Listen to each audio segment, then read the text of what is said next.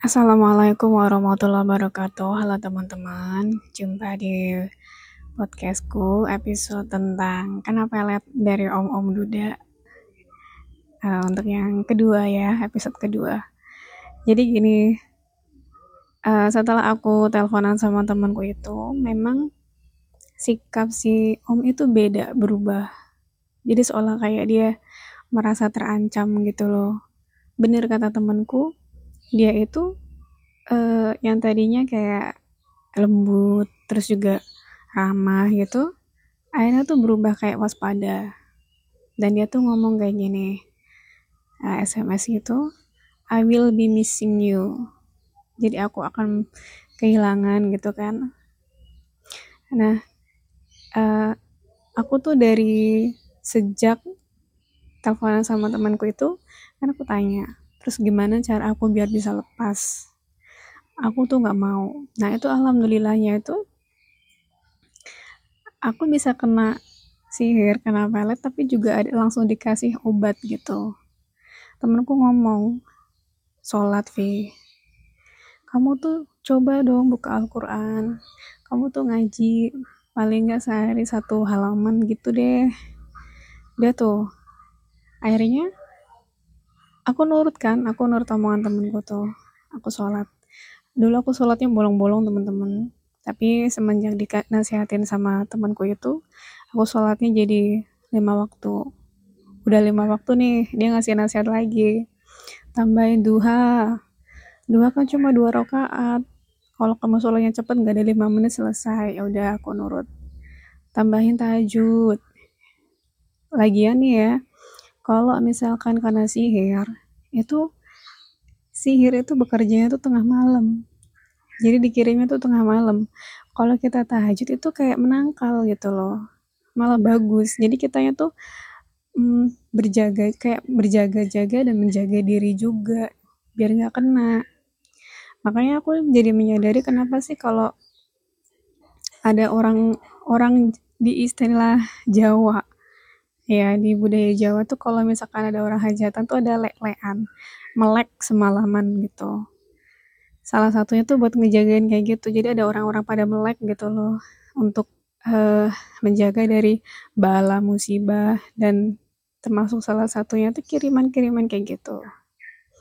Nah, ya udah aku tuh ya teman-teman aku tuh dari kelas 5 SD itu udah lulus TPK, wisuda TPK, bacaan Al-Quran gue juga lancar, bagus. Tapi saat itu juga ketika aku kembali membaca Al-Quran itu aku tuh susah banget, berat banget. Aku masih bisa, masih tahu semua bacaannya, atau bi kayak apa, yang panjang pendek gimana, yang dengung kayak gimana, mim mim tasdid kayak gimana tuh? Aku masih tahu semuanya. Mad jaiz mad wajib. Yang dua harokat lima harokat enam harokat aku masih tahu. Tapi tuh pelafalannya tuh susah banget. Aku coba baca Al-Quran dari yang Al-Fatihah. Alhamdulillahirabbil alamin. Itu tuh rasanya berat banget, susahnya minta ampun. Jadi kayak lidahnya tuh berat gitu loh. Kayak apa ya kayak skill yang udah lama ditinggalin. Padahal aku juga nggak ninggalin ninggalin banget. Karena apa? Karena sekolah SMA SMK dulu aku teman-teman. Itu kan setiap uh, masuk sekolah itu ada kegiatan membaca Al-Quran.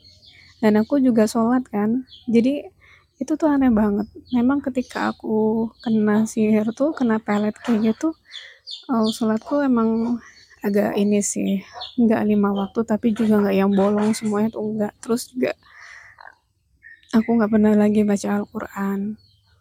Terakhir baca Al-Quran ya waktu isi istighosah untuk ujian nasional itu kan. Terus juga ya udah setelah itu kayak memang nggak pernah. Cuman memang ketika aku baca Al-Quran lagi tuh beratnya luar biasa itu berat banget dan kepala tuh pusing setiap kali aku lagi sholat tuh rasanya tuh was-was. Was-was gitu takut takut banget. Terus kalau aku lagi zikiran baca zikir tuh itu kepalanya tuh pusing. Berat kayak migrain gitu loh. Tapi aku terus lanjutin. Dan aku blokir semua aksesnya si om tuh. Aku temenan sama dia di media sosial tuh aku blokir semua. Terus juga aku temenan juga kan sama teman-temannya dia tuh terus dia tuh kayak punya temen bilangnya sih temen tapi kayak tapi temanku bilang itu bukan teman itu teman hidup gitu. Cuman nggak menikah gitu. Nah itu sih si cewek itu udah ibu-ibu itu nge-support Evi ke sini dong gitu. Mau dijemput kasih aja alamatnya gitu. Atau kalau enggak Evi pas main ke Jakarta nanti uh, dijemput kayak gitu. Alhamdulillahnya tuh nggak pernah sampai kesampaian. Yang namanya ketemu sama entah itu si ibu-ibu itu dan si om itu tuh belum pernah sama sekali. Udah itu aku mulai aku tuh mulai tahun berapa uh, bulan apa ya aku tuh berjuang kayak dari Oktober. Nah temanku itu tadinya kan dia lumayan sering telepon. Lama-lama tuh jarang aku juga nggak yang nyariin gitu. Karena kan aku tuh nggak bukan tipe yang suka ngejar atau gimana tuh nggak karena takut mengganggu kan.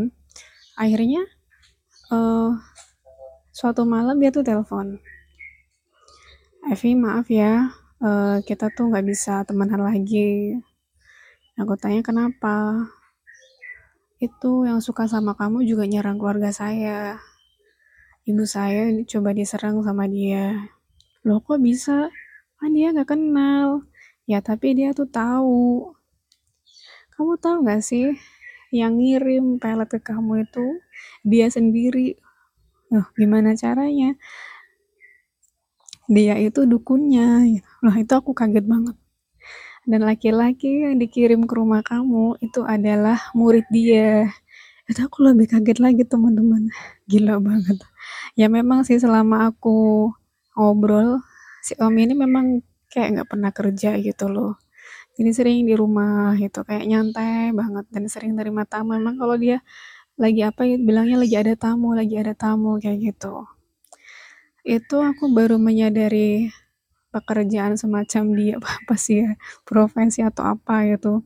Seperti itu tuh eh, ketika aku udah kerja jadi di di suatu perumahan di Bekasi itu juga ada mantan PNS kerjanya kayak gitu. Dan dulu kan aku main kaskus ya itu nama dia tuh terkenal.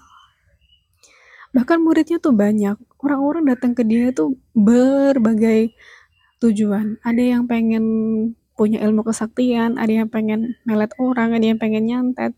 Dan murid-muridnya tuh banyak. Jadi aku dulu nggak percaya masa sih zaman sekarang kok ada orang yang pengen belajar ilmu-ilmu kayak gitu? Bahkan sampai uh, ngambil guru segala gitu kan berguru sama orang gitu. Aku pikir kayak gitu yang dilakukan di di orang apa sama orang kampung gitu kan. Bahkan selama aku hidup di kampung tuh belum pernah aku dengar ada orang berguru kesaktian ilmu hitam kayak gitu ya aku dengar biasanya mereka bergurunya itu kayak di gunung-gunung kayak gitu dan kebanyakan juga jadinya tuh jadi orang gila karena nggak kuat nanggung ilmunya gitu. Makanya aku tuh shock gitu. Masa sih itu dukunnya? Iya. Udah tuh. Semenjak saat itu aku tuh ini teman-teman kena penyakit kayak punggungku itu gatel. Gatel itu ada putih-putihnya itu loh uh, aku udah udah berobat ya. Udah berobat ke rumah sakit. Itu nggak sembuh. Terus aku tuh setiap kali makan nanti pasti langsung berak. Ah sorry aku ganti kalimatnya ya. Aku ganti pakai pup.